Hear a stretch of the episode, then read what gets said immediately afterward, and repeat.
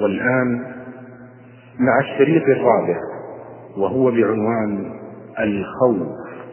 الحمد لله رب العالمين والعاقبة للمتقين وأشهد أن الله ولي الصالحين وأشهد أن محمدا عبده ورسوله الأمين. صلى الله عليه وعلى آله وصحبه أجمعين. فهو إمام العابدين. وسيد البشر أجمعين. تجلت فيه العبودية بأعلى مراتبها وأجلى صورها ومن ذلك الخوف. والخوف هو موضوعنا في هذه السلسلة سلسلة أعمال القلوب. نتمم به موضوع الرجاء الذي سبق عرضه. نسأل الله عز وجل أن يجعلنا له راجين ومنه خائفين. أما الخوف فإنه من مادة خاوافا التي تدل على الذعر والفزع في اللغة العربية. وخفت الشيء خوفا وخيفة. وخوف الرجل جعل الناس يخافونه. وقال الله تعالى في التنزيل العزيز إنما ذلكم الشيطان يخوف أولياءه أن يجعلكم تخافون أولياءه يعني يخوفكم بأوليائه. والخوف توقع مكروه لعلامة مظنونة أو معلومة وهو ضد الأمن ويستعمل في الأمور الدنيوية والأخروية. فهو توقع حلول مكروه أو فوات محبوب اضطراب القلب وحركته أو فزعه من مكروه يناله أو محبوب يفوته. قال ابن قدامة رحمه الله اعلم أن الخوف عبارة عن تألم القلب واحترافه بسبب توقع مكروه في الاستقبال يعني في المستقبل. مثال ذلك من جنى على ملك جناية ثم وقع في يده ألقى عليه القبض فهو يخاف القتل ويجوز العفو. عنده احتمالا أن الملك يقتله أو أن يعفو عنه. ولكن يكون تألم قلبه بحسب قوة علمه بالأسباب المفضية إلى قتله. وتفاحش جنايته وتأثيرها عند الملك وبحسب ضعف الأسباب يضعف الخوف. وقد يكون الخوف لا عن سبب جناية بل عن صفة الذي يخاف عظمة وجلالا فإنه إذا علم أن الله سبحانه وتعالى لو أهلك العالمين لم يبالي ولم يمنعه مانع فبحسب معرفة الإنسان بعيوب نفسه وبجلال الله تعالى واستغنائه وأنه لا يسأل عما يفعل يكون الخوف على حسب هذا. فهو مطالعة فهو مطالعة القلوب لسطوات الله جل وعز ونقمه فيولد في القلب الخوف خوف الوعيد. والخشية أخص من الخوف نوع خاص من الخوف فإن الخشية للعلماء بالله. قال الله تعالى إنما يخشى الله من عباده العلماء. فهو خوف مقرون بمعرفة. وقال النبي صلى الله عليه وسلم إني أكفاكم لله وأشدكم له خشية. فالخوف لعامة المؤمنين والخشية للعلماء العارفين وعلى قدر العلم والمعرفة يكون الخوف والخشية. فصاحب الخوف يلتجئ إلى الهرب وصاحب الخشية يلتجئ إلى الاعتصام بالعلم.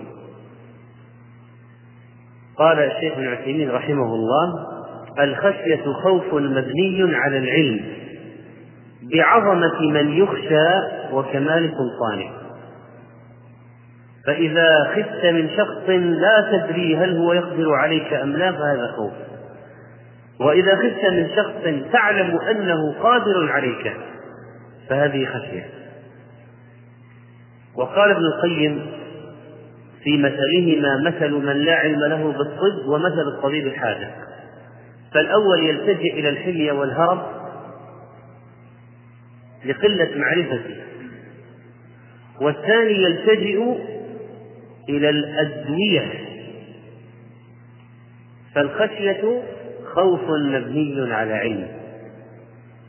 وقد ورد الخوف في القرآن الكريم على وجوه منها بمعنى القتل والهزيمة وإذا جاءهم أمر من الأمن أو الخوف وقول الله عز وجل ولنبلونكم بشيء من الخوف وجاء بمعنى الحرب والقتال في قول الله تعالى فإذا ذهب الخوف سلقوكم بألسنة حداد أي إذا انجلت الحرب. فإذا جاء الخوف رأيتهم ينظرون إليك نظر المغشي عليه من الموت.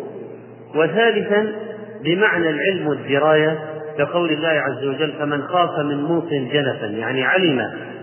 وقول الله سبحانه وتعالى إلا أن يخافا أن لا يقيم حدود الله أي يعلما وإن خفتم ألا تقسطوا في اليتامى يعني علمتم. ورابعا الخوف يأتي بمعنى النقص كقوله أو يأخذهم على تخوف وخامسا يأتي بمعنى الرعب والخشية من العذاب والعقوبة كقول الله تعالى يدعون ربهم خوفا.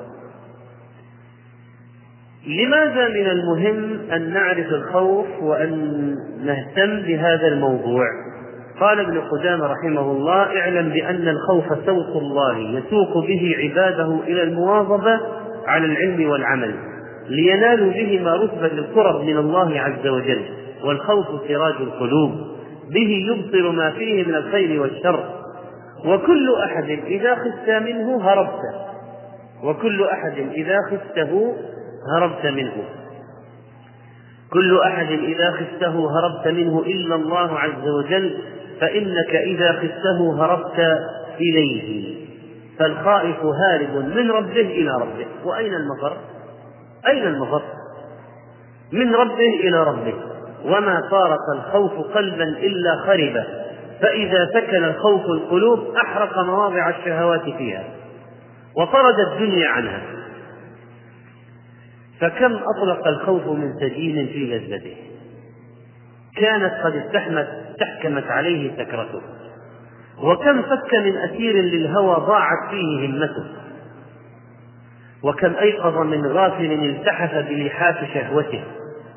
وكم من عاص لوالديه رده الخوف عن معصيته.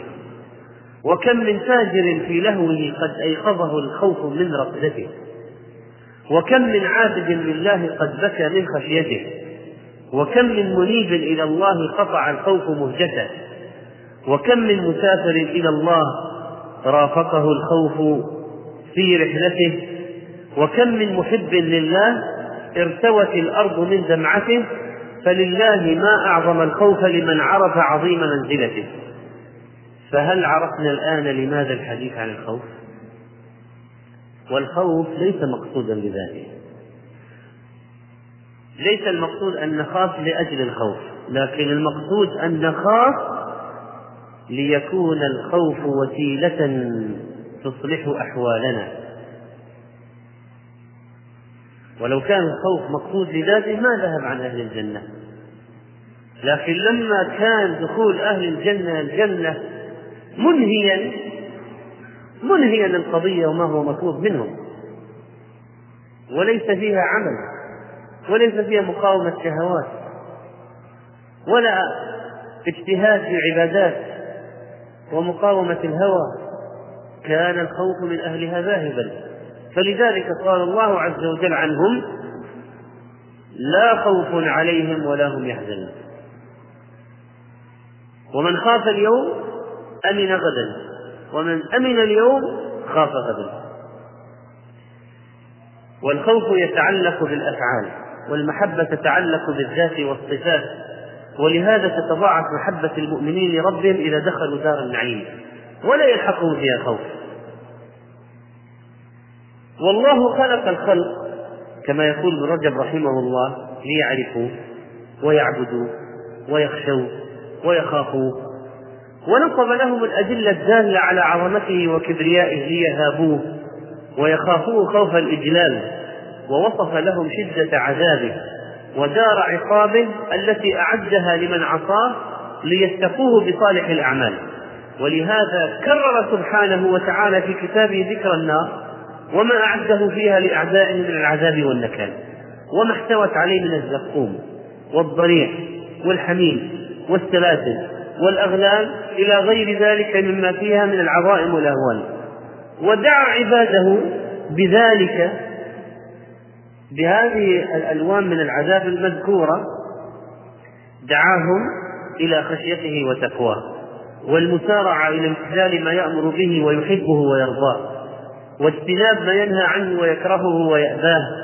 فمن تأمل الكتاب الكريم وأدار فكره فيه وجد ذلك العجب العجاب. وكذلك السنة الصحيحة التي هي مفسرة ومبينة لمعاني الكتاب. وكذلك سير السلف الصالح أهل العلم والإيمان من الصحابة والتابعين لهم بإحسان. من تأملها علم أحوال القوم وما كانوا عليه من الخوف والخشية والإخبات وأن ذلك هو الذي رقاهم الخوف هذا عند السلف هو الذي رقاهم إلى تلك الأحوال الشريفة والمقامات السميات من شدة الاجتهاد في الطاعات والانكفاف عن المحرمات والانكفاف عن دقائق الأعمال المكروهات فضلا عن المحرمات. والقدر الواجب من الخوف الخوف هذا شيء كبير. منازل درجات. هناك مقدار مطلوب من الخوف ومقدار غير مطلوب. القدر الواجب من الخوف ما حمل على أداء الفرائض واجتناب المحارم. فإن زاد على ذلك بحيث صار باعثا للنفوس على التشمير في نوافل الطاعات والانكفاف عن دقائق المكروهات يعني فعل المستحب وترك المكروه والشبهة كان ذلك خوفا محمودا زائدا محمودا. فإن تزايد الخوف بحيث أدى إلى مرض أو موت أو هم لازم أو قعود عن العمل بحيث يقطع السعي عن اكتساب الفضائل المطلوبة المحبوبة إلى الله عز وجل لم يكن خوفا محمودا. فإذا ليس كل الخوف محمود. في بعض الناس من شدة وقع الوعيد عليهم وإن كانوا قلة جدا لكن يوجد في الواقع بعض الأشخاص من شدة خوفهم من العذاب والنكال والنار يصابون باليأس والإحباط والقعود عن العمل ويقولون لا فائدة. من شدة الخوف ممكن يموت أو يصعق. ليس هذا هو الخوف المطلوب. هذا أكثر زيادة مذمومة. لكن الخوف المطلوب يا إخوان ويا أخوات الخوف المطلوب الذي يحمل على فعل المستحبات وفعل الواجبات قبلها وعلى ترك الشبهات والمكروهات وترك المحرمات قبلها. هذا هو الخوف المطلوب. وهناك خوف ضعيف أقل من هذا. لا يحمل لا يؤدي إلى ترك المحرمات كلها ولا فعل الواجبات كلها. فهو خوف ناقص. ففي خوف زايد وخوف ناقص وخوف هو المطلوب.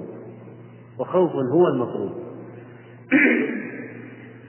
وقد ذكر البخاري رحمه الله تعالى في قوله باب باب الخوف من الله عز وجل. ذكر هذا الباب. قال ابن حجر هو من المقامات العلية الخوف من المقامات العلية. وهو من لوازم الإيمان. قال الله تعالى وخافوني إن كنتم مؤمنين. وقال تعالى فلا تخشوهم واخشوني. وقال تعالى إنما يخشى الله من عباده العلماء. وتقدم حديث أنا أعلمكم بالله وأشدكم له خشية. وكلما كان العبد أقرب إلى ربه كان أشد له خشية ممن دونه. وقد وصف الله تعالى الملائكة بقوله يخافون ربهم من فوقهم. والأنبياء بقوله الذين يبلغون رسالات الله ويخشونه. ولا يخشون أحدا إلا الله. وإنما كان خوف المقربين أشد لأنهم يطالبون بما لا يطالب به غيرهم فيراعون تلك المنزلة لأنهم يطالبون بما لا يطالب به غيرهم فيراعون تلك المنزلة. وإن ولأن الواجب لله منه الشكر على المنزلة فيضاعف بالنسبة لعلو تلك المنزلة. فالعبد إن كان مستقيما إن كان مستقيما.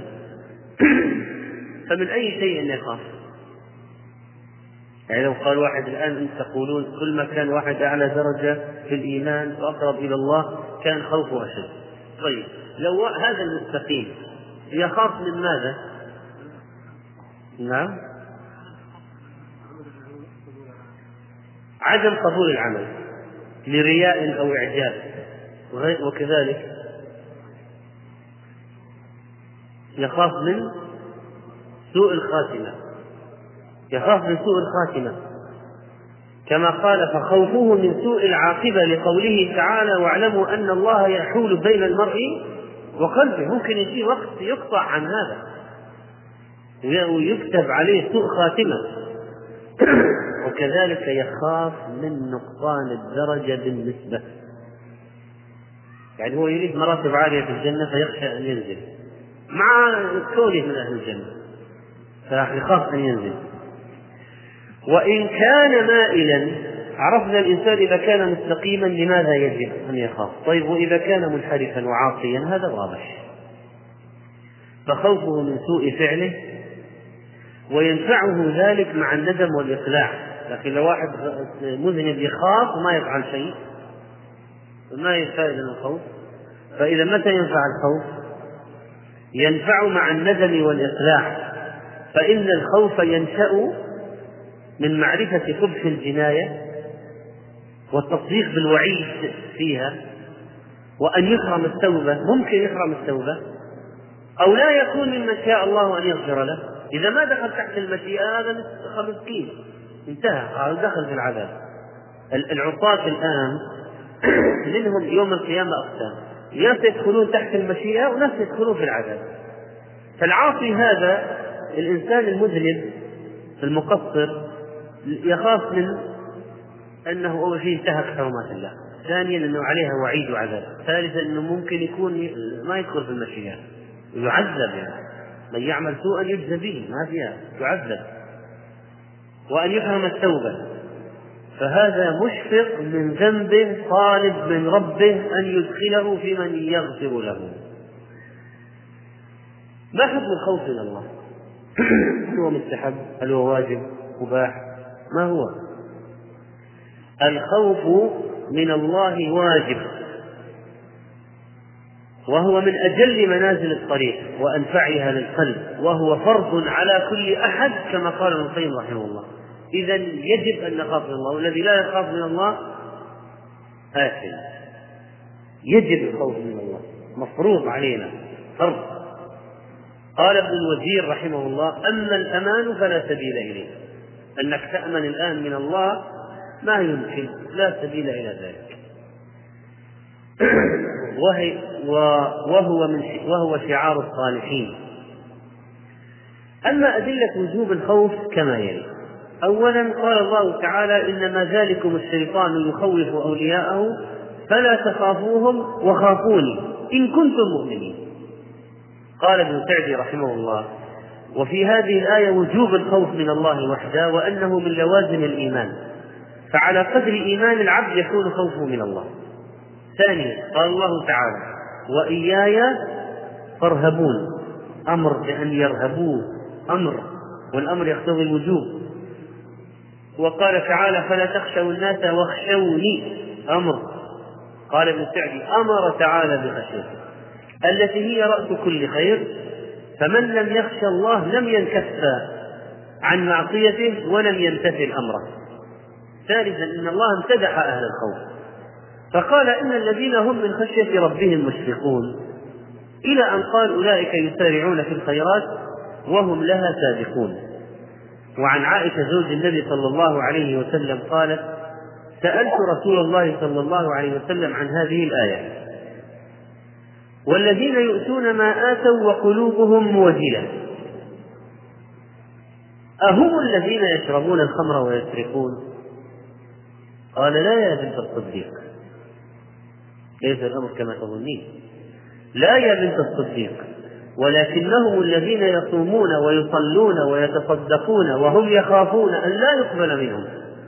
أولئك الذين يسارعون في الخيرات. قال الحسن عملوا لله بالطاعة واجتهدوا فيها وخافوا أن ترد عليهم. إن المؤمن جمع إحسانا وخشية وإن المنافق جمع إساءة وأمنا. جمع إساءة في العمل وأمنا من عذاب الله. والتخويف من عذاب الله أحد مهمات الرسل. أحد مهمات الرسل أن يخوف الناس بأس الله. وما نرسل المرسلين إلا مبشرين ومنذرين. والإنذار هو الإعلام بالشيء الذي يخيف الأمر المخوف فالإنذار في لغة العرب كما قال الراغب الأصفهاني في مفرداته الإنذار إخبار فيه تخويف كما أن التبشير إخبار فيه سرور. وقد وصف الله سبحانه وتعالى رسوله صلى الله عليه وسلم بأنه نذير في مواضع كثيرة من كتابه وهو هذا يخوفهم وجمعهم على الصفا وقال إني نذير لكم بين يدي عذاب شديد. وقال أنا النذير العريان. العرب كان إذا الواحد من القبيلة رأى الجيش المغير على قبيلة اقترب وهم لا يعرفون وهو في الخارج جاء يركض خلع ثيابه حتى يبين لهم هول المصيبة التي ستنزل بهم. وفداحة الخطر. جاءهم يصرخ هذا اسمه النذير العريان. هذا أشد أنواع النزارات عند العرب. درجة الخطر هذا رقم هذا أعلى درجة. قال أنا النذير العريان أنا النذير العريان. النبي صلى الله عليه وسلم يخاطبهم بما يعرفونه ويفهمونه العرب من حالهم. وقل إني أنا النذير المبين ففروا إلى الله إني لكم منه نذير مبين. وكان من أوائل أوامر الله لرسوله عليه الصلاة والسلام هو الإنذار. فقال يا أيها المدثر قم فأنذر. خوف الناس عذاب الله جهنم بأس الله انتقامه في الدنيا وفي الآخرة. قم فأنذر. قال القرطبي خوف أهل مكة وحذرهم العذاب إن لم يسلموا. وقد وصف الله عز وجل العذاب في كتابه في عدة مواضع من أجل تحقيق الخوف في نفوس عباده ليتقوه. كما قال عز وجل لهم من فوقهم ظلل من النار ومن تحتهم ظلل ذلك يخوف الله به عباده يا عبادي فاتقون. ذلك يخوف الله به عباده يقول الكثير أي إنما يقص خبر هذا الكائن لا محالة ليخوف به عباده. الشيء الذي سيكون لا محالة اللي هو ظلل من النار من فوقهم ظلل من تحتهم ظلل. هذا شيء كائن لا محالة. فلماذا أخبرنا به؟ يخوفنا به. هو مقصود هذا. أن أننا نخاف. قال لينزجروا عن المحارم والمآثم. يا عبادي فاتقون فيخشوا بأسي وسطوتي وعذابي ونقمتي وبين سبحانه أن ما يرسل من الآيات لتصديق الأنبياء عليهم الصلاة والسلام كناقة صالح مثلا إنما يرسله من أجل التخويف. فقال عز وجل وآتينا ثمود الناقة مبصرة فظلموا بها وما نرسل بالآيات إلا تخويفا. وكذلك الآيات الكونية كالكسوف والخسوف وما شابه ذلك. ليه هذه الآيات؟ هذه يخوف الله بها عباده. فهذا الشمس والقمر يوم القيامة سيذهب نورهما سيذهب نورهما وكسف القمر كسفت كسف القمر والشمس كورت وانكدرت وذهب ضوءها. فتراه الآن يعني هذا نموذج مصغر. ذهاب ضوء الشمس والقمر بالكسوف والخسوف يعني تذكير بيوم الآخر الذي تجعل الشمس والقمر كلاهما في النار ثوران عصيران في النار. عذاب على عابديها وزيادة عذاب على أهل النار. هذه شدة الحرب ليس جهنم. وكذلك قال الله سبحانه وتعالى حتى في البرق والرعد هذه الظواهر الطبيعية هذه هو الذي يريكم البرق خوفا وطمعا. يريكم البرق خوفا وطمعا. وينشئ السحاب الثقال. إذا حتى بعض الآيات الكونية هذه يخوف بها عباده. آية من آيات الله يخوف الله بهما عباده. ومن فوائد من الفوائد المتعلقة بالخوف. أن الله عز وجل جعله شرطا لحصول الإيمان. إذا كان ما في خوف ما في إيمان. فلا تخافوهم وخافوني إن كنتم مؤمنين. قال ابن جرير لا تخافوا أيها المؤمنون المشركين. يا مؤمن لا تخاف من المشرك ولا يعظمن عليكم أمرهم ولا ترهبوا جمعهم مع طاعتكم إياي. ما أطعتموني واتبعتم واتبعتم أمري وإني متكفل لكم بالنصر والظفر. ولكن خافوني واتقوني أن تعصوني وتخالفوا أمري فتهلكوا إن كنتم مؤمنين. فهو عز وجل أولى بأن يخاف منه من الكفار والمشركين. وقد ابتلى الله سبحانه وتعالى الصحابة رضي الله عنهم بابتلاء عظيم ليظهر الذي يخاف من الذي لا يخاف. كيف؟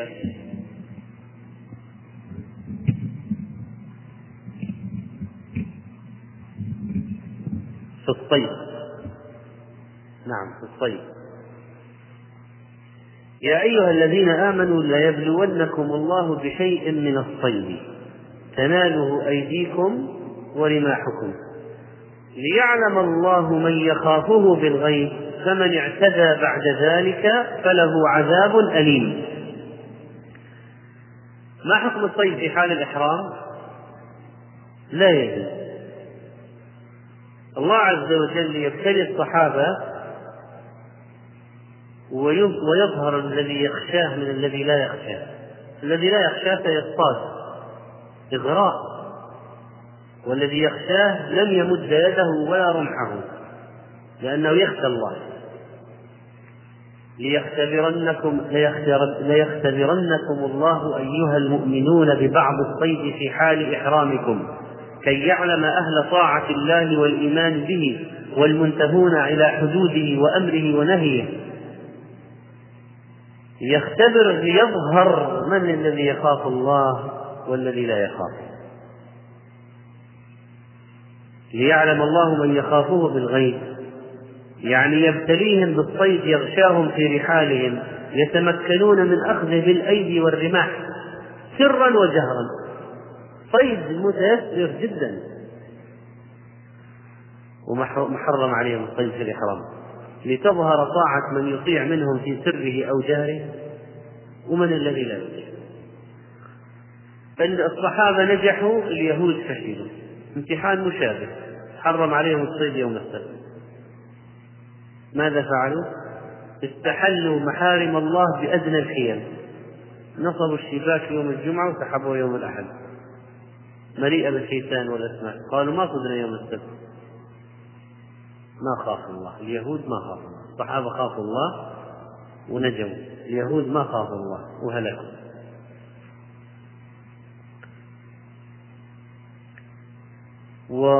ولذلك ممكن الإنسان أحيانا يتعرض لمعصية أو شهوة متيسرة جدا.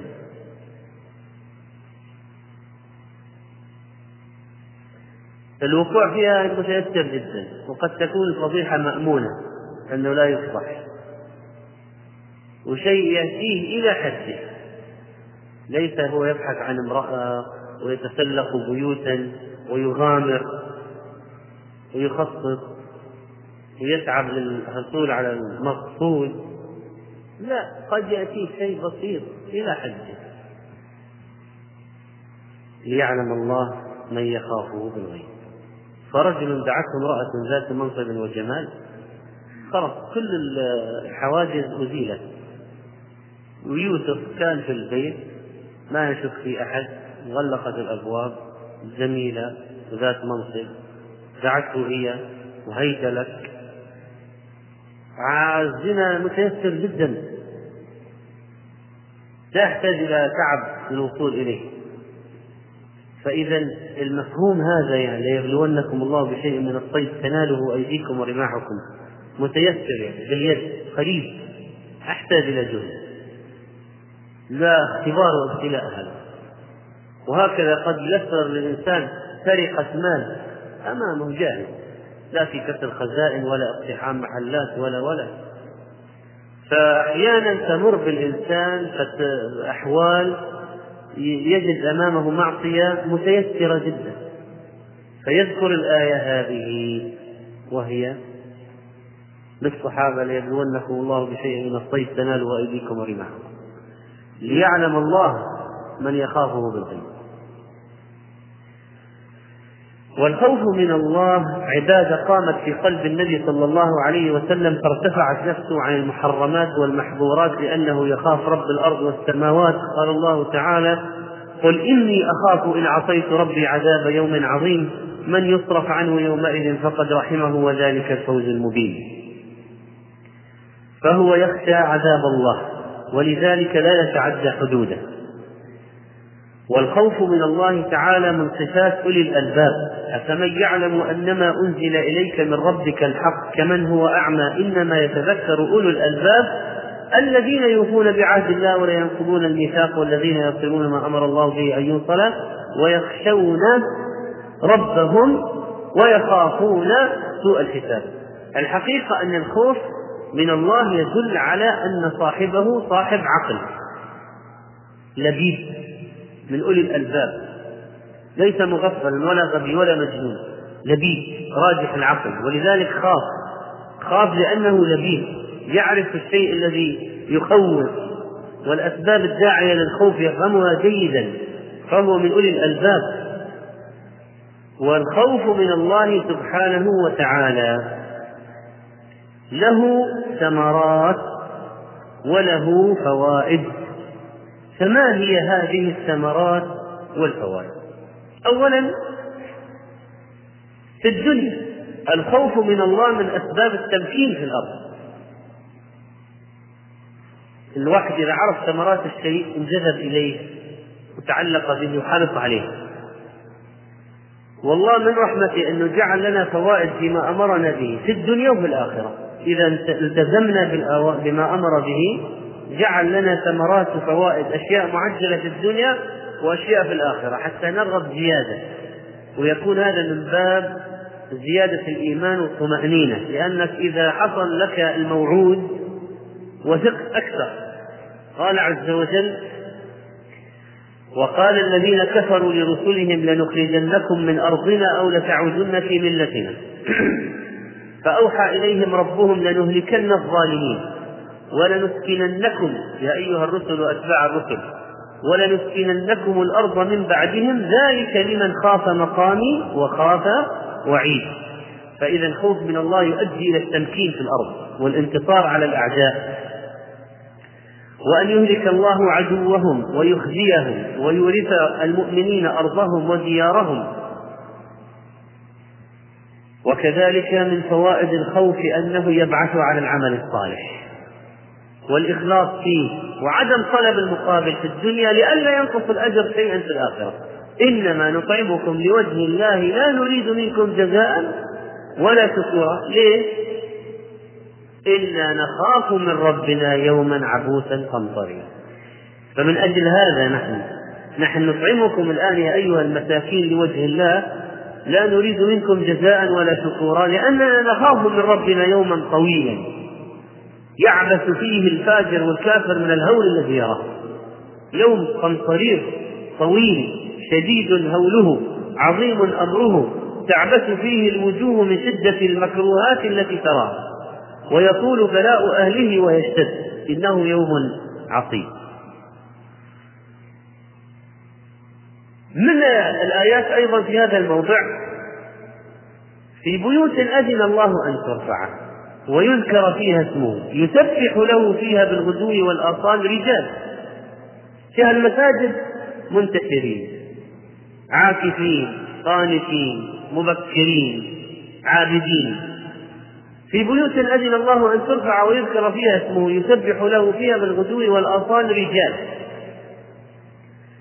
لا تلهيهم تجارة ولا بيع عن ذكر الله وإقام الصلاة وإيتاء الزكاة يخافون.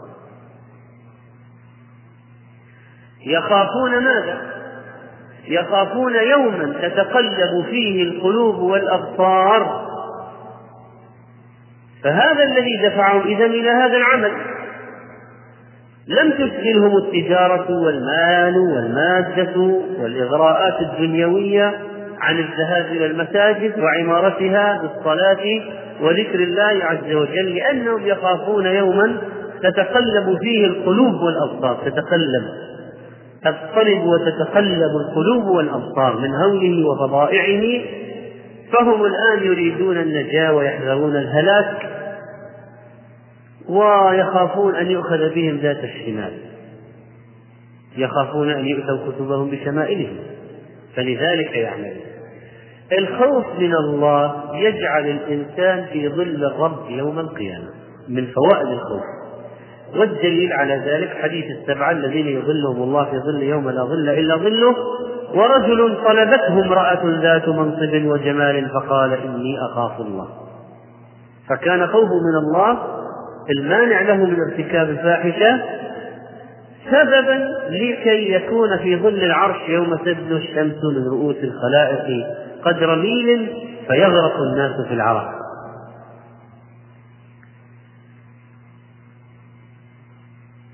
وقوله لها إني أخاف الله ظاهر الحديث أنه يقول هذه الثانية ليزجر المرأة أيضا عن فعلها. وليذكر نفسه ويصر على موقفه ولا يتراجع بعد إعلان المبادئ. إني أخاف الله رب العالمين. وكذلك رجل ذكر الله خاليا فذكر ماذا؟ ففاضت عيناه. ذكر ربه وعذابه وشدة عذابه وانتقامه فخشي أن يكون من المعذبين فانهمرت دموعه. وإذا واحد دمعت عيناه من خشية الله لا تصيبه النار يوم القيامة. فإذا الفزع والخشية الآن الخشية الموجبة للدمع لدمع العين تؤدي إلى أن النار لا تمس هذه العين يوم القيامة. كما أن الخوف من الله من أسباب المغفرة في واحد من الناس عنده جهل عظيم لكن بقي في نفسه شيء معين من الإيمان. آه، أورثه خوفا جعله يطلب إجراء غريبا. فإنه رجل كان في من كان قبلنا رغسه الله يعني رزقه مالا فقال لبنيه لما حضره الموت أي أب كنت لكم؟ قالوا خير أب. قال فإني لم أعمل خيرا قط فإذا أنا مت فأحرقوني ثم اسحقوني. اسحقوني. ثم ذروني في يوم ذروني في يوم عاصف ففعلوا. فما أسهل أن يعيده الله كما كان كن بالأمر كن فجمعه الله عز وجل كن قام بين يدي ربه بعد الموت قال ما حملك؟ قال مخافته. فتلقاه برحمته. رواه البخاري ومسلم. فهذا إنسان وصل به آه، عذره ربه بالجهل. وإلا فإن الذي يشك أن الله يبعثه بعد الموت كافر. هذا رجل عنده خوف شديد من الله حصل عنده خوف شديد مع تقصيره نفعه خوفه. وشفع شفع له خوفه من ربه. من فوائد الخوف أنه يؤدي إلى الجنة في النهاية لأن النبي صلى الله عليه وسلم قال من خاف أدلج ومن أدلج بلغ المنزل. لكن ما هو المنزل؟ ألا إن سلعة الله غالية ألا إن سلعة الله الجنة؟ رواه الترمذي.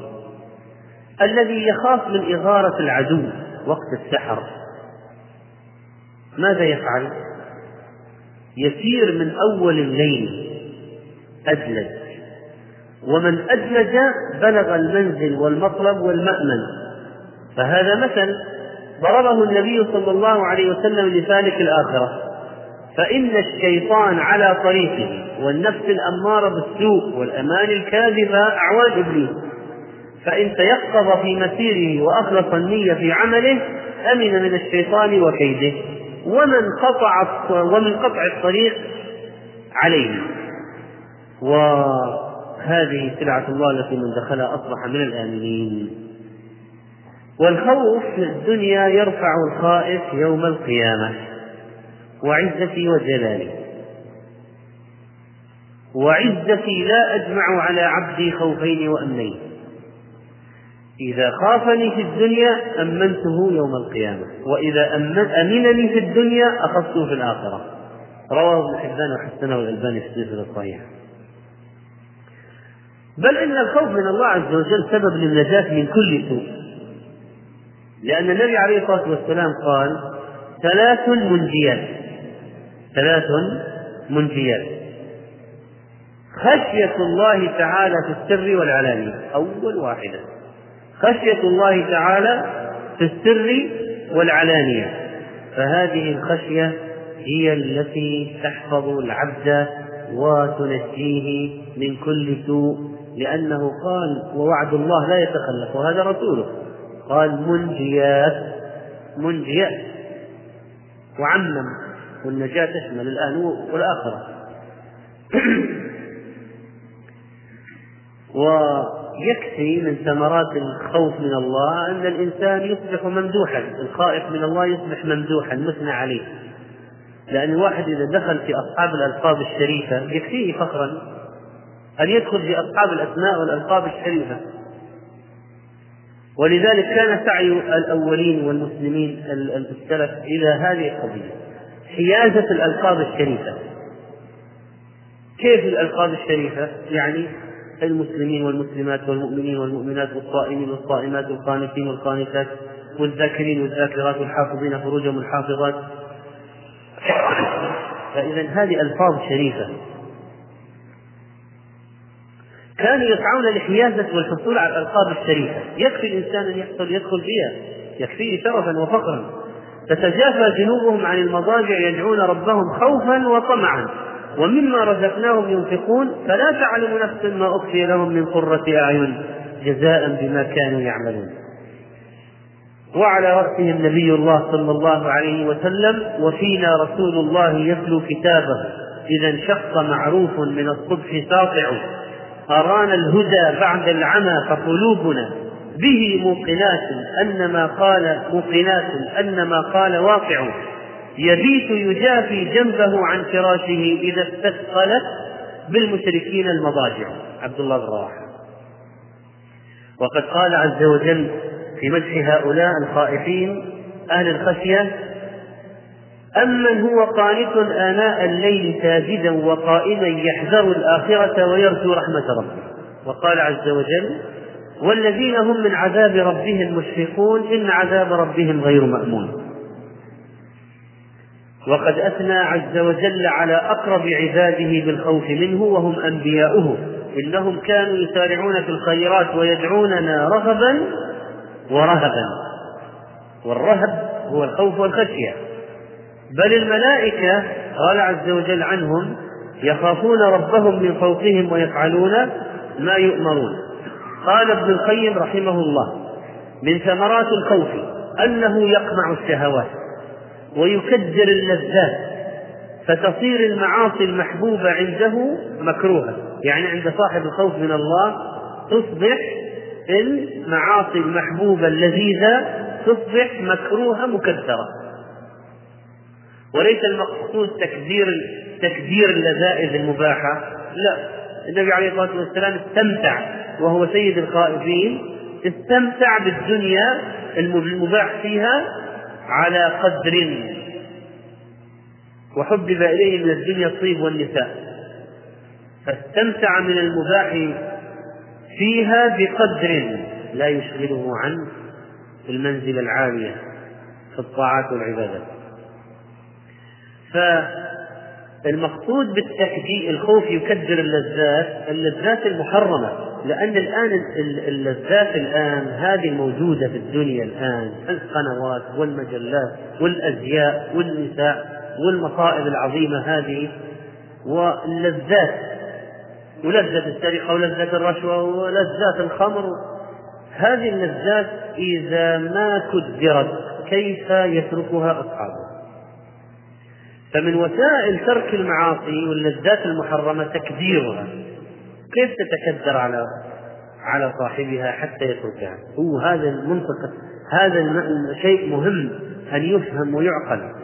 لتكدر اللذات المحرمة بتذكر عذاب الله ووعيده لمن وقع فيها. فإذا تذكر نغص عليه. إذا تذكر الزاني ما سيحل به أنه هو الآن في في لذة الزنا مثلا. إذا تذكر أن هناك فرن تنور في القبر قبل النار في تنور وفرن يجعل فيه الزنات والزواني عراة فإذا جاءهم اللهب من أسفل منهم طاحوا وسفعوا إذا قاربوا الخروج انطفأ اللهب فسقطوا. ثم ارتفعوا طاحوا هكذا. إلى يوم الدين. فيقول يعني إيش لنا وإيش هذه المحرمة؟ فتتكدر لذته المحرمة بتذكر ما في الأمر من العذاب. هو إذا تذكر أن من عذاب أهل النار الصديد الذي يزيد الصديد الذي يسيل من خروج الزناد والزواج كرهها كره العملية. كله. طيب يكفي أن يعرف أنه إذا شرب الخمر في الدنيا يحرم منها في الآخرة وذكر لا غول فيها ولا هم عنها ينزفون ولا يصدعون. فلماذا يرتكب هذا الآن الذي يكدر عليه؟ الآن ويوم القيامة سوف يكون فيه ما فيه من العذاب. قال رحمه الله كلام مهم من ثمرات الخوف أنه يقمع الشهوات ويكدر اللذات. فتصير المعاصي المحبوبة عنده مكروها. كما يصير العسل مكروها عند من يشتهيه إذا علم أن فيه سما إذا علم أن فيه سما كدر. ولا يتردد بل بعض الناس ممكن يترك يترك أكلة لذيذة لسبب تافه أحيانا. يكون صاحب نفس متقززة تقع نقطة ولا شيء؟ ولا واحد ينفخ على الطعام يعافه صح؟ بعض الناس تكون الأطعمة نفوسهم عند فيها أشياء تعقيدات يترك الطعام لأدنى سبب يمكن واحد شرب قبله في الكاس ما يشرب بعد ذلك. نفسه على إيش؟ على واحد شرب منه قبلها شرب منها قبله. كيف كل إذا كانت فيها كل هذا؟ إذا كان العسل فيه سم سيشربه وإذا كان هذه المعاصي فيها آلام يوم القيامة عظيم سيقع فيها. قال فتصير المعاصي المحبوبة عنده مكروها كما يصير العسل مكروها عند من يشتريه إذا علم أن فيه سما فتحترق الشهوات بالخوف وتتأدب الجوارح ويذل القلب ويستكين ويفارقه الكبر والحقد والحسد ويصير مستوعب الهم لخوفه والنظر في خطر عاقبته فلا يتفرغ لغيره ولا يكون له شغل من قلب هذا شغل إلا المراقبة والمحاسبة والمجاهدة. والظنة يعني الزخم والإنسان بالأنفاس واللحظات. أنها تذهب يعني في غير يرضي الله ومؤاخذة النفس في الخطرات والخطوات والكلمات ويكون حاله حال الخائف كحال من وقع في مخالب سبع ضار لا يدري أيغفل عنه فيفلت فيفلت أو يهجم عليه فيهلكه. ولا شغل له إلا ما وقع فيه المأزق الذي وقع فيه. كواحد أدخل في قفص سبع فهو الآن يترقب ماذا سيحدث؟ هل يقفز عليه فيهلكه أو يغفل السبع عنه؟ هذا كيف يكون فكره همه الآن في إيش فهذا أشد. الله عذابه أشد من سبع في قبر.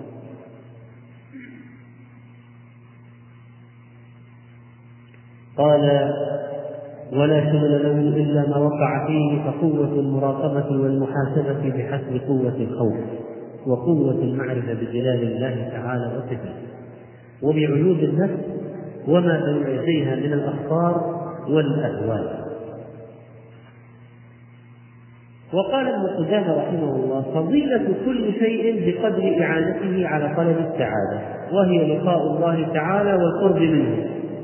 فكل ما أعان على ذلك فهو فضيلة وقد قال تعالى ولمن خاف مقام ربه جنتان إذا كان الإنسان تأمل أنه سيكون له جنتان للخاف فلماذا لا يخاف؟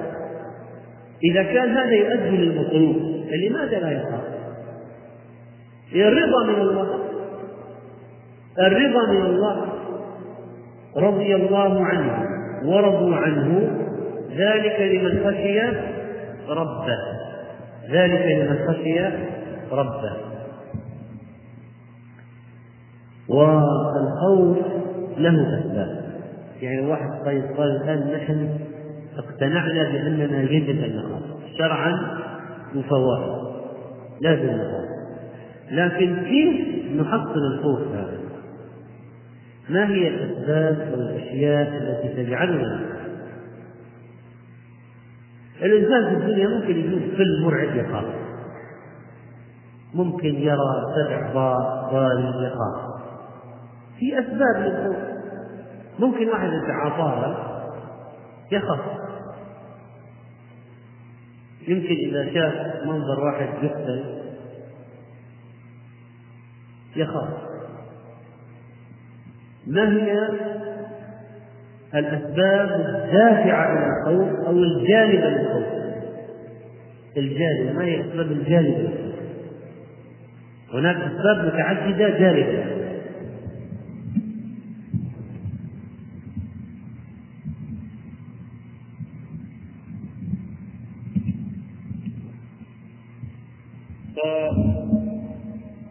لنأخذ الآن في ذكر بعض الأسباب الجالبة مع أننا نستحضر أن الخوف ليس مقصودا لذاته لكن مقصود لما بعده من فعل الواجبات وعدم تركها والبعد عن المحرمات وعدم ارتكابها وإذا زاد يمكن أن يكون أيضا فعل المستحبات وترك المشتبهات وإذا زاد أكثر يصبح مذموما وإذا نقص عن هذا يكون أيضا ناقصا لا يؤدي النتيجة المطلوبة المسلم يخاف بأسباب. أولا سابق الذنب الذي وقع فيه ليه تخاف الآن لذنوب تتذكرها في ذهنك وقعت فيها فيما مضى ثانيا حذر التقصير في الواجبات. الواجبات أديتها لكنك تخشى أن تكون قصرت فيها. في الصلاة في الحج في الصيام جرحت الصيام وعملت فسوق وفي الحج وجدال ورفث والصلاة مثلا أنقصت من حضورها طمأنينتها خشوعها ركوعها أركانها واجباتها. خشية خشية التقصير في الواجب يدفع لك ثالثا الخوف من المصير أن يكون على ما يخاف. يخاف الإنسان أن يكون مصيره على ما يخاف. في المستقبل. فيخاف رابعا. إجلال الله وتعظيمه يؤدي إلى الخوف منه. يخافون ربهم من فوقهم.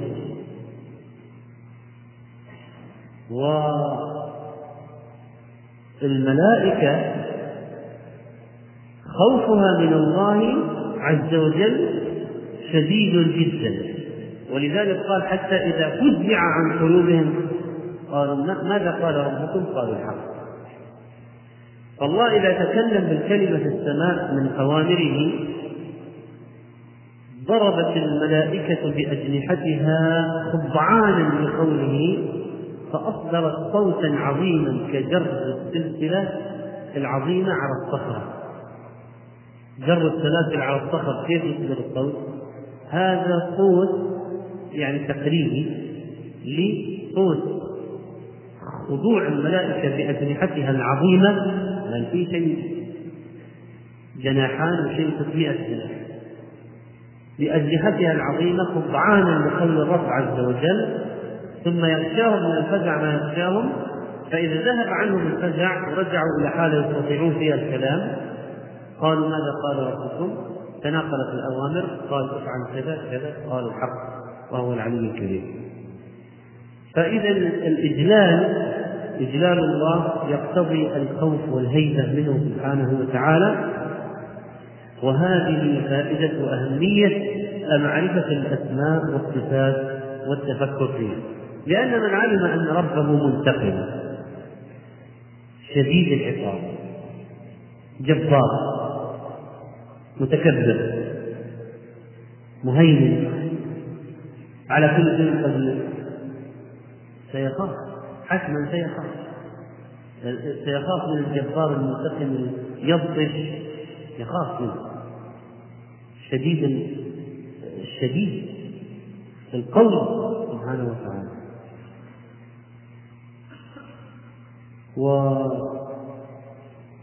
والخوف من الله يتعلق بقضيتين.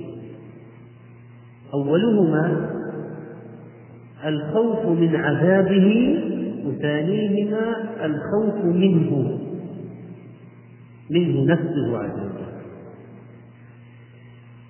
فالناس العامة ينزعون إلى الخوف من النار أكثر وأهل الفقه والعلم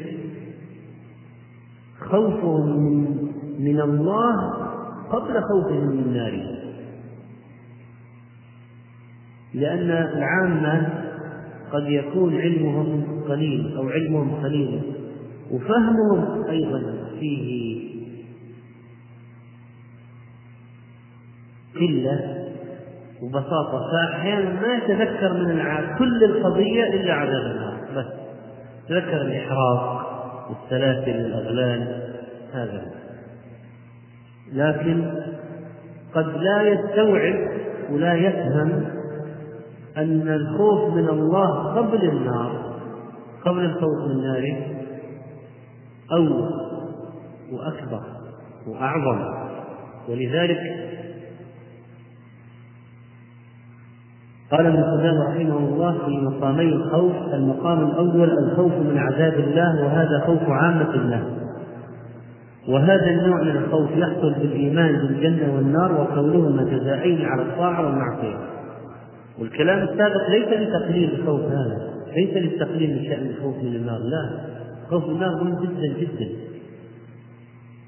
عذابه مفصل لنا فيه ليه؟ ما هو قال لهم من فوقهم ظلل من نار ومن تحتهم ظلل ذلك ذلك يخوف الله. ذلك يخوف الله به عبادة. إذا هو ذكر لنا لنخاف لكن هناك خوف أهم. المقام الثاني الخوف من الله نفسه عز وجل وهو خوف العلماء العارفين لأنه يكفيهم فقط ثلاث كلمات. ويحذركم الله نفسه. ويحذركم الله نفسه هذه الكلمة لأن يعرفون نفسه ماذا يتعني. يعرفون من أسماء الله وصفاته وصفاته ما يجعلهم يخافون من ذات الله ومن نفسه سبحانه. ويحذركم الله نفسه. يكفي هذا. ولذلك النبي عليه الصلاة والسلام قال أنا أعرفهم بالله وأشدهم له خشية. رواه البخاري. وقد قال الله إنما يخشى الله من عباده العلماء لماذا؟ لأنه لما كملت معرفتهم بربهم وأسمائه وصفاته أثرت الخوف فغاض الأثر على القلب ثم ظهر على الجوارح بهذا بهذه الأعمال ومن الأشياء أيضا التي تبعث على الخوف أنك تتأمل النجاة لمن؟ ثم ثم تقارن نفسك بالصفات الموجودة من الأشياء اللي تبعث عن الخوف أنك تتأمل من هم الناجون وما هي صفاتهم وهل تنطبق عليه وإذا رأيت أنها لا تكاد تنطبق فتخاف لأنك لا تكون من الناجين مثال قال الله تعالى وإني لغفار وإني لغفار. لمن؟ تاب واحد. ثانيا آمن. ثالثا عمل صالحا. رابعا ثم اهتدى. فذكر الله عز وجل بأن المغفرة معلقة على أربعة شروط لكن تنطبق على من؟ كم واحد فينا؟ فإذا كل واحد تأمل نفسه سيجد عنده نقص إما في التوبة أو في الإيمان أو في عمل الصالحات أو الهداية لا فليست المسألة سهلة وأي واحد ينال المغفرة. طيب. سورة العصر.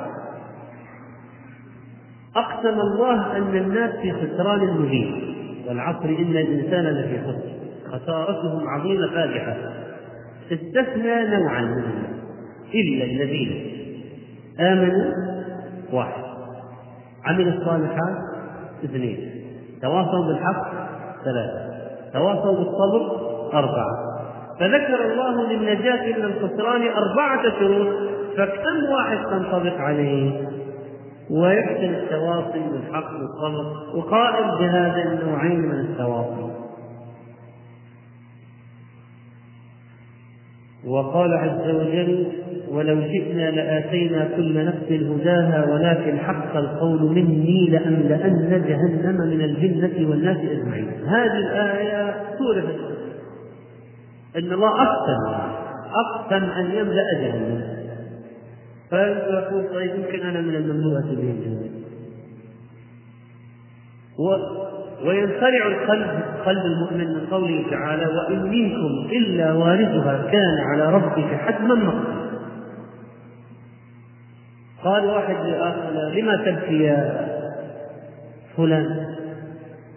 قال لأني أعلم يقينا أني والد جهنم بس ما عندي يقين أني سأنجو منها. قال أنا أعرف يقينا أنني سآتي على جهنم لأن الله قال وإن منكم إلا واردها كان على ربك حتما مقضيا كل الناس ثم ننجي الذين اتقوا. طيب ما ننجي الذين اتقوا. القبول العمل هذا إنما يتقبل الله من المتقين. كم واحد من المتقين حتى يتقبل منه؟ يقبل عمله. طيب يمكن أجل هذه الاعمال فلذلك يبدأ الواحد إذا أخذ هذه الأبعاد أخذت في ذهنه وقلبه يحصل فعلا عنده الخوف فإذا حصل الخوف المرحلة التي بعدها أنه سيحصل إسباب النجاة. التوبه الإيمان العمل الصالح الاهتداء التواصي بالحق التواصي بالصبر والتقوى وهكذا.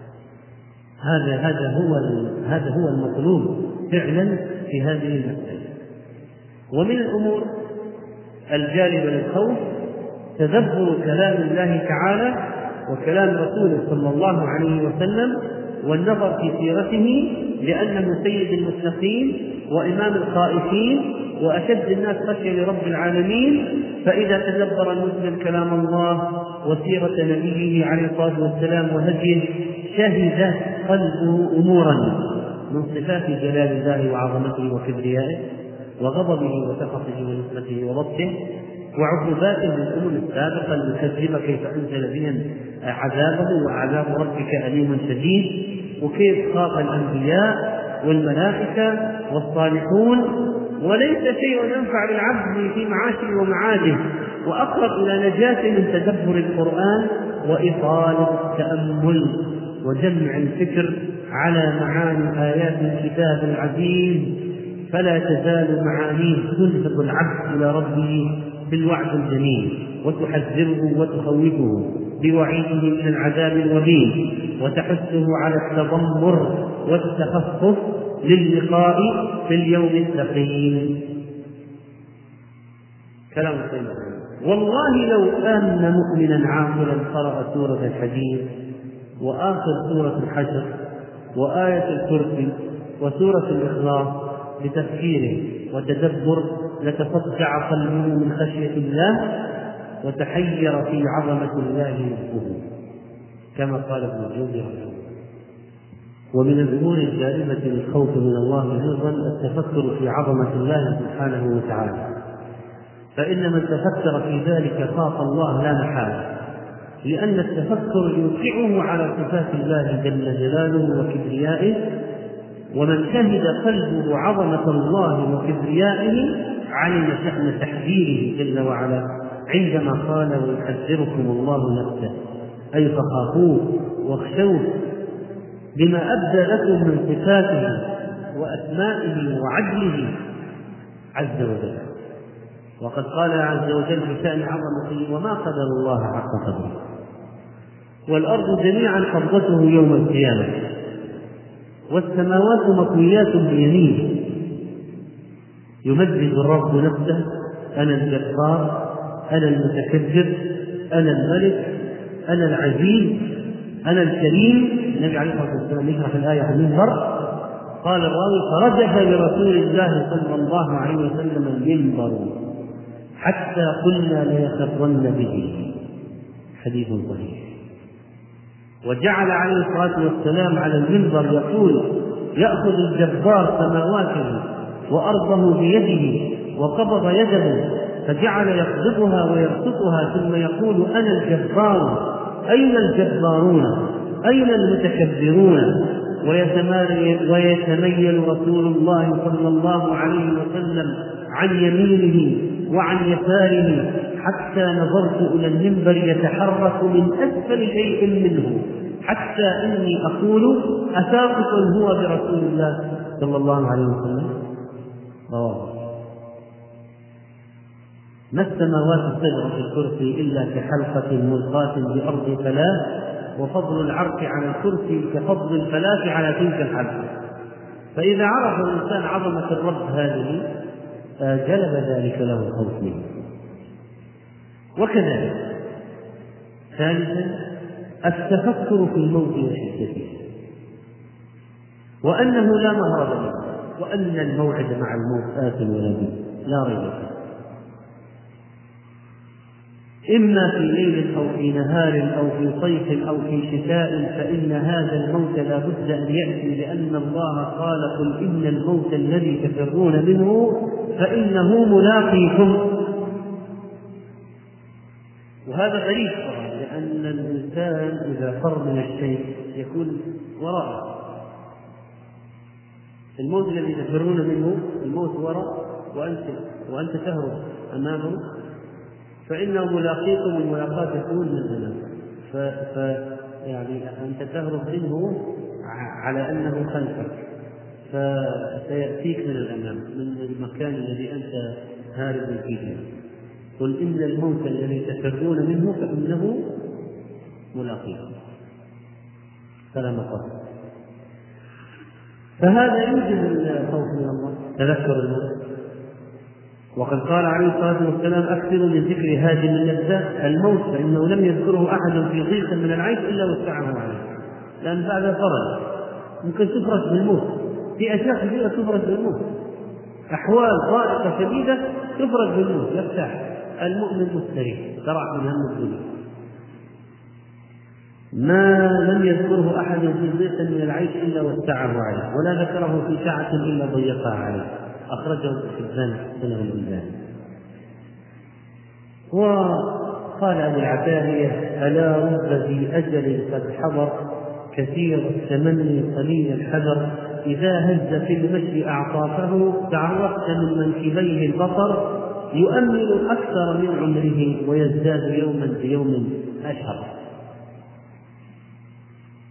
ثم إذا انتقلنا إلى مسألة رابعة في قضية ما بعد الموت التفكر في القبر وفي عذاب القبر وفي الأهوال التي في القبر. كنت نهيتكم عن زيارة القبور ألا تزوروها؟ فإنه يرق القلب وتسمع العين تذكر الآخرة ولا تقول هجرة حديث حسن. وعن البراء قال كنا مع رسول الله صلى الله عليه وسلم في جنازة فجلس على سفير القبر فبكى حتى بل الثرى ثم قال يا إخواني بمثل هذا فأعدوا. أخرجه الماجه وحسنه. إذا هو هذا تذكر يؤدي إلى زيادة الخوف من الله تعالى. المرحلة التي بعدها خامسا إذا قدم على القيامة وأهوالها وحصل البعث والنشور. فإن التفكر فيما سيكون في ذلك اليوم من الأهوال من بعد البعث إلى ذبح الموت لأن الموت يذبح كبش يذبح هذه النهاية. يذبح الموت على هيئة الكبش يذبح يوم القيامة والله على كل شيء قدير. قادر أن يجعله كبشا أو غيره. فيؤتى به فيذبح هذه النهاية. يا أيها الناس هذا اليوم من البعث إلى أن يذبح الكبش. انتهي ينتهي يوم القيامة بدخول أهل الجنة. الجنة ودخول أهل النار. انتهي يوم القيامة. خمسون ألف سنة. يا أيها الناس اتقوا ربكم. واخشوا يوما لا يجزي والد عن عن ولده ولا مولود هو جاد عن والده شيئا. إن وعد الله حق. فلا تغرنكم الحياة الدنيا ولا يغرنكم بالله الغرور.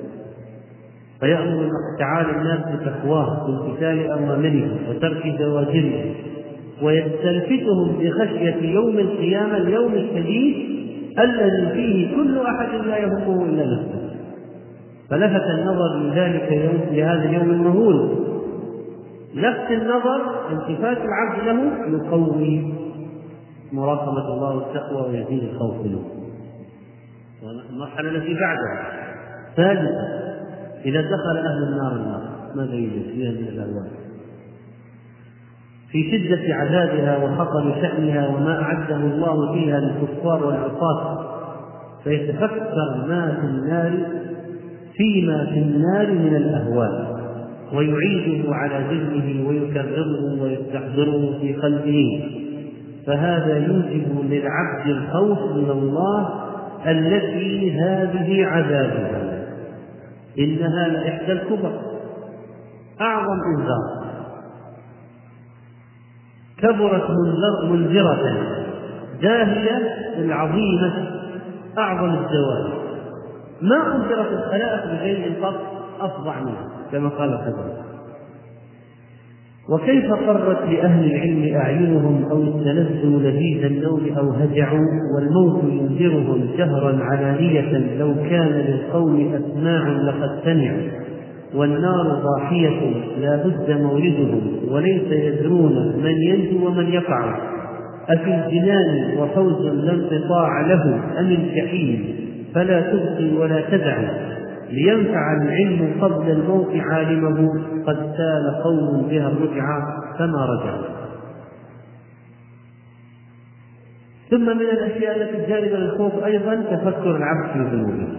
أنه نسيها وأن الله أحصاها وأنه سيقدم على الله ليريه كتابه يطلعه عليه. لا يغادر صغيرة ولا كبيرة إلا أحصاها. وأن الله يمكن يعطيه في الدنيا نعم وهو عاصي استدراجا ليزيد في المعصية. ويقول راضي عني ولولا الرضا ما أعطاني. ولئن رددت إلى ربي إنني عنده لحسن لئن رجعت سأرى خيرا منها. استدراج. هذا الذي سقط فيه صاحب الجنة. ما أظن أن الساعة ما أظن الساعة قائمة ولئن رددت إلى ربي أجدن خيرا منها من كذا. لكن إذا أتاه بأسنا أتاهم بأسنا بغتة فإذا هم مبلسون وكذلك فإن من الأشياء الجالبة للخوف التفكر في عاقبة محقرات الذنوب التي يحتقرها الناس. مثلها النبي عليه الصلاة والسلام بقوم نزلوا بطن واد فجاء ذا بعود وجاء ذا بعود حتى جمعوا ما أنزلوا به خبزا ففي ارتباط بين الأعواد وإيقاد النار وبين الذنوب وما تسبب من نضج الجلود. جلود العصاة الذين عملوها. كلما نضجت جلودهم بدلناهم جلودا غيرها ليذوقوا العذاب. ثامنا من الأشياء الجالبه للخوف أيضا أن يعلم العبد أنه يمكن أن يحال بينه وبين التوبة بموت مفاجئ. فتنة مضلة.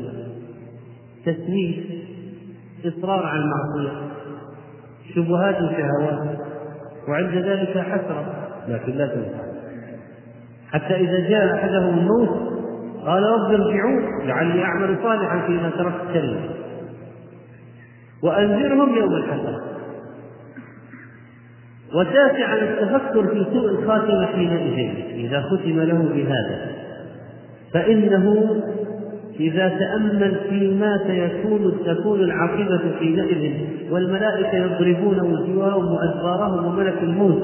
كيف يسحب روح الفاجر فيتقطع معها كل عرق وعصب وكيف ستقبضه ملائكة العذاب وتجعله في كفر من النار حنوط من جهنم؟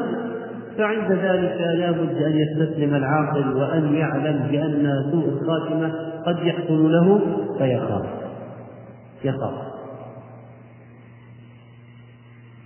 وكم رأينا وكم سمعنا عمن إذا لاح فجر أحدهم فجر وإذا أوشكت على المغيب شمس صيامه أفطر ولذلك كان السلف في قلق عظيم وهم شديد يخافون. إلى آخر لحظة في الحياة يخاف يخاف أنه يختم له باسمه.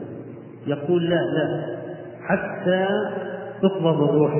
لم آمن مكر الله لم آمن مكر الله. وأن الله يقلب القلوب قلوب العباد بين إصبعين من أصابع الرحمن. طيب وما يدري أن الله يقلب قلبه؟ ويحول بينه وبين التوبة وبينه وبين العلم والفقه.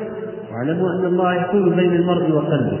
كل يوم بشأن يرفع يخفض يضل يهدي يمرض يقبض يميت يرسل الأخرى إلى أجل مسمى. وهكذا. إن شاء أن يقيم القلوب أقامها وإن شاء أن يزيغها أزاغها ثم من الأشياء المهمة أنك تجالس ناس فعلا تكتسب منهم خشية وخوفا من الله. يعني من هم الذين من هم الذين تكتسب فيهم خوف من الله؟ الذين يلعبون وراء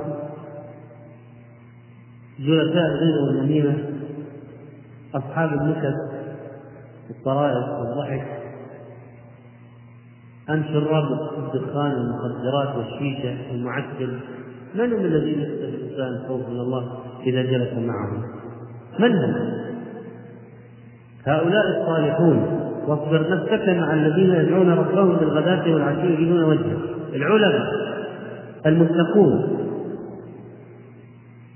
أصحاب الخشية. في ناس أصحاب خشية في ناس بعض الناس الله رزقهم خشية وخوف. رقة قلب. إذا سمعوا الذكر لانت قلوبهم ثم تلين قلوبهم وجلود من ذكر الله.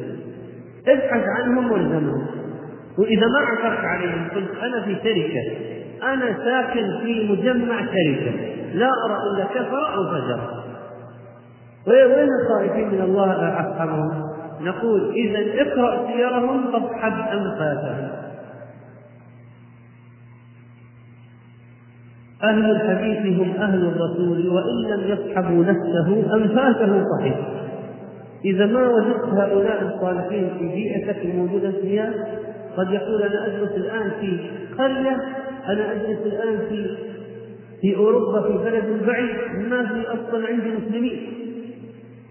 نقول إذا اصحب سير الخائفين من الله. والإمام أحمد مثلا خشيته وقبل قبل ابن عباس. كان في عينه عينيه تحت عينيه خصان في الشراكان الزانيان أخاديد أخاديد من الدموع. الدموع حفرت أخاديد فيها. عمر بن الخطاب رضي الله عنه الذي قرأ آيات فملك مرضا عاده الناس بعده. عائشة تقول فمن الله علينا فوقانا عذاب السموم في قيام في صلاتها وتبكي تبكي تبكي والنبي عليه الصلاة والسلام قبلها إن تعذبهم فإنهم عبادك وإن تغفر لهم فإنك أنت العزيز الحكيم. وهكذا هؤلاء أبو بكر الصديق يمسك لسانه يقول هذا الذي أوردني الله. يا ليتني كنت شجرة تعضد تؤكل يا ليتني كنت شجرة تعضد عمر الخطاب يقول يا ليتني كنت هذه السحلة. يا ليتني لم أكن شيئا مذكورا. يا ليت أمي لم تلدني. لو مات جمل ضياعا على جانب الفرات لخفيت ان يسالني الله عنه يوم القيامة. لو نادى مناد من السماء أيها الناس إنكم داخلون الجنة إلا كلكم إلا واحدا لخفت أن أكون أنا هذا كلام عمر. هذا عثمان الذي يقول وددت أني إذا مت لم أبعث. لكن يعلم يقينا أن الله يبعث له لكن يخشى مما بعد البعث. هذا الذي كان يقطع الليل تسبيحا وقرآنا. تخرق مصحفه من كثرة ما قرأه. مات دمه على المصحف شهيدا رضي الله تعالى عنه. أبو عبيدة يقول وددت أني كنت كبشا فذبحني أهلي فأكلوا لحمي وعسوا مرقي عمران بن طيب يقول يا ليتني كنت رمادا تدعوه الرياح. حذيفة يقول وددت أن لي إنسانا يكون في مالي ثم أغلق علي بابي فلا يدخل علي أحد حتى ألحق بالله عز عائشة تقول يا ليتني كنت نسلا مسيري أبو هريرة يغشى عليه عدة مرات وهو يحدث بحديث الثلاثة أول من تسعر منهم النار يوم القيامة. علي رضي الله عنه يقول لقد رأيت أصحاب محمد صلى الله عليه وسلم فما أرى اليوم شيئا يشبههم. لقد كانوا يصبحون شعثا غبرا بين أعينهم أمثال ركب المعزى قد ذاتوا لله جدا وقياما أكثر من جلد في الصلاة والقيام مقتل مثل رحمة المعزة تطلع لهم على أشياء. صلبة مثل ركبة المعزة من كثر القيام. يتلون كتاب ربهم يراوحون بين سفاههم وجنوبهم. فإذا أصبحوا هذا بالنساء وإذا الليل إذا أصبحوا ذكروا الله عز وجل ماذوا كما يميل الشجر في يوم الريح وهملت أعينهم حتى تبل ثيابهم والله لكأن القوم باتوا غافلين. مع أنهم باتوا محيلا هؤلاء إذا تأمل الواحد في سيرهم ازداد خسرهم عمر بن عبد العزيز يبكي ويبكي حتى تغلبه عينه. وينام ثم يقوم يبكي ويبكي حتى تغلبه عينه. وينام ثم يقوم في الليل كذا مرة. زوجته تحدث عنه. ولما قالت له أنت الآن لما صرت خليفة تستطيع تعطيني أكثر من أول. لما كنت أمير على المدينة. قال إني أخاف إن عصيت ربي عذاب يوم عظيم. فبكت فاطمة وقال اللهم أعذني من النار. فهؤلاء الصالحون إذا كان الإنسان فعلا آه، يأخذ من سيرهم ما يغذي به قلبه رزق خوفا من الله سبحانه وتعالى ولا بناء عن صحبة الصالحين المعاصرين والاستلهام بقراءة سير القائدين ممن مضى. أولياء الله الذين إذا رؤوا ذكر الله عز وجل حديث حسن إن القريرة إن القريرة عينه عبد خشي الإله وعيشه قصده عبد قليل النوم مجتهدا لله كل فعاله رشد نزه عن الدنيا وباطلها لا عرض يشغله ولا نقد. متذلل لله مرتقب. ما ليس من اتيانه بد. وهو الموت. رفض الحياة على حلاوتها واختار ما فيه له الخلد فاشدد يديك إن ظفرت به ما العيش إلا القصد والجنون ثم من الأشياء المهمة يا اخوان في قضية الخوف من الله سماع المواعظ. وبعض الخطب لابد أن يكون فيها مواعظ. بعض الناس عندهم قدرة على الوعظ يسمع كلامهم مسجلا حاضرا. يذهب اليه يقول عذر تعال بنا نصف ساعة. فذكر فإن الذكرى تنفع المؤمنين. ذكر بالقران من يخاف وعيد. هذا أمر. إذا يجب أن يكون فينا ناس يذكروننا كلنا نذكر بعض. لا قد يوجد بعض الناس قدرة على موعظة أكثر منا فينفع الله به في هذا الباب ويتأثر الناس بسماع كلامه. وكذلك فإن العلم بالله وأسمائه وصفاته وكلامه وكلام رسوله صلى الله عليه وسلم وسيرة النبي الكريم كل ذلك مما يرزق به الإنسان الخوف من الله كما تقدم. والدعاء من أهم الأسباب الجالبة للخوف من الله. ولو تأملنا بعض أدعية النبي عليه الصلاة والسلام لوجدنا ذلك مقصودا في دعائه أن يدعو ربه أن يجعله من الذين يخافون أو يرزقه الخشية ونحو ذلك. مثلا ربي أعني ولا تعن علي وانصرني ولا تنصر علي وامكر لي ولا تمكر علي. قال اجعلني لك شكارا لك ذكارا لك رهابا لك مطواعا لك مخبتا إليك أواها منيبا. رب تقبل توبتي واغفر توبتي واجب دعوتي وسدد حجتي وسدد لساني واهد قلبي واسلل سقيمة واسلل سقيمة صدري. رواه الترمذي وقال هذا حديث حسن صحيح وكذلك صححه الالباني إذا ذكر هذا ما معنى؟ اللهم اقسم لنا من خشيتك ما تحول به بيننا وبين معصيتك. ما معنى اقسم لنا من خشيتك؟ ما معنى اللهم إني أسألك قوله وأسألك خشيتك في الغيب والشهادة وأسألك كلمة الحق الرضا والغضب والقصد والغنى والفقر أسألك خشيتك في الغيب والشهادة.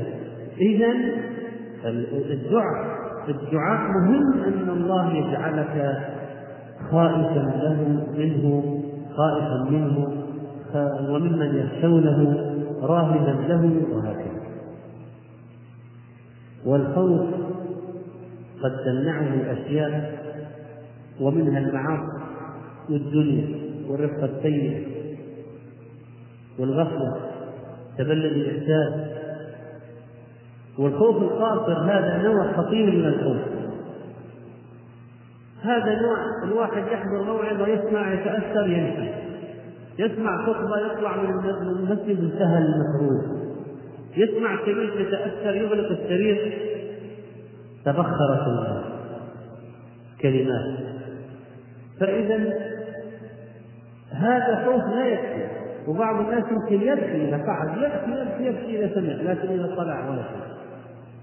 العبرة بما إذا وقع نفع. إذا وقع دخل استقر أما قضية أن أكثر العارض والذي قد يظهر أحيانا على الواحد في شيء من الضعف في نفسه بكى ثم ذهب خرج رجع إلى مثل ما كان أسوأ. فهذا ليس خوفا ليس خوفا كافيا أبدا. هذا خوف لحظي مؤقت والمطلوب هو الخوف المستمر. و لا شك أيها الإخوة بأن هذه مسألة مسألة مهمة. والصحابة كان إذا سمعوا مواعظ بقيت الآثار في نفوسهم وكان وعظنا رسول الله صلى الله عليه وسلم يوما بعد صلاة الغداة موعظة بليغة ذرفت منها العيون ووجلت منها القلوب فقال رجل إن هذه موعظة مودع فكان التفاعل مع القضية أنهم سألوه ماذا تعهد إلينا؟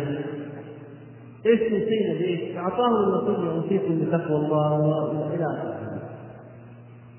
ناس تريد أن تطبق. اعطنا المطلوب ونحن ننفذ. ماذا تعهد اليه؟ اوصنا هو الذي قال لهم لو تعلمون ما أعلم لضحكتم قليلا وبكيتم كثيرا وخرجتم من الصعودات تسألون إلى الله. خوفهم النبي عليه الصلاة والسلام صعد المنبر ولم يزل أن يقول سلوني سلوني. ووضع الناس وضع الناس وجوههم غطوا أيديهم بوجوههم يبكون. وجاء واحد في المسجد قال اسمه حذافة قال كان يعين ينسب لغير أبيه. فقال يا نبي الله من أبي؟ قال أبوك حذافة. لأنهم كانوا ينسبونه إلى غير أبيه. فصارت إثبات نسبه بالوحي. حتى جاء عمر قال يا رسول الله رضينا بالله والاسلام محمد رسولا عائدا إلى من سوء فقال رسول الله صلى الله عليه وسلم لم أرك اليوم قصد الخير والشر. إني صورت لي الجنة والنار فرأيتهما دون هذا الحرج. هذه المشاهد نحن ما رأيناها ما عاصرناها ما كنا معه يا ليتنا كنا معه فنفوز فوزا عظيما لكن من نعمة الله أنها نقلت إلينا نفس المشاهد التي عاشها الصحابة نقلت إلينا. فإذا تأملت فيها وتدبرت كأنك تعيش معهم. كأنك ترى هذه الأنفاس تحس بها. وبموعظة النبي عليه الصلاة والسلام وهو يعلم أسقط السماء وحط لها أنفاس ما في موضع أربع أصابع إلا في ملك قائم وراكب وساجد هذه الملائكة أصلا الذين هم الملائكة الأطهار البررة هذه عبادة مستمرة. مستمرة طيلة هذا الوقت. والخوف إذا باشر قلب العبد فاض على الأثر فاض أثره على الجوارح وظهر وليس أنه كان شيئا سريعا ودنا أراك لست بوقاف ولا حدث كالحافظ الخابط الأعواد في الغلب ترجو النجاة وتسلك مسالكها. إن السفينة لا تجري اليمين فإذا الناس يقولون نحن نخاف الله وهم غافلون. نحن نخاف الله وهم في المعصية. عجبت لهم كيف يحتمون من الطعام مخافة الداء ولا يحتمون من الذنوب مخافة النار كما قال بعض السلف ما رأيت مثل النار لا مهاربها. رواه الترمذي عن النبي عليه الصلاة والسلام. كل عاصم الله فهو جاهل كما يقول شيخ الإسلام ابن وكل خائف منه فهو عالم مطيع. الخائف من الله يبادر الخيرات قبل المنام ويغتنم الأيام والساعات ويحافظ على وقته. ويظن بجوهرة عمره أن تضيع فيما لا ينفع أو بشيء بخس دنيا منقطعة أو لذة منغصة أما الخائف من الله فإنه يحافظ على هذا الوقت كثيرا مناجاة لمولاه والاستغاثة بسيده وأنه يريد أن ينجو من سخطه ونقمته بأي وسيلة. وحاله حال ذلك الذي قال فيه الذين قالوا المبارك فيهم إذا ما الليل أظلم كابدوه فيسر عنهم وهم ركوعه. أطار الخوف نومهم فقاموا وأهل الأمن في الدنيا وجوه. لهم تحت الظلام وهم سجود أنين منه تنفرد الضلوع وخرس بالنهار لطول صمت. عليهم من سفينته ينتشر. فنسأل الله سبحانه وتعالى أن يجعلنا من الذين يخشونه بالغيب والشهادة. ومن الذين يخافونه سبحانه ويخافون سوء الحساب ونسأله عز وجل أن يرزقنا جنته بمنه وكرمه إنه سميع مجيب. شكر الله لفضيلة الشيخ محمد صالح المنجد ما قدمه ونسأل الله أن يجعله في ميزان أعماله والسلام عليكم ورحمة الله وبركاته.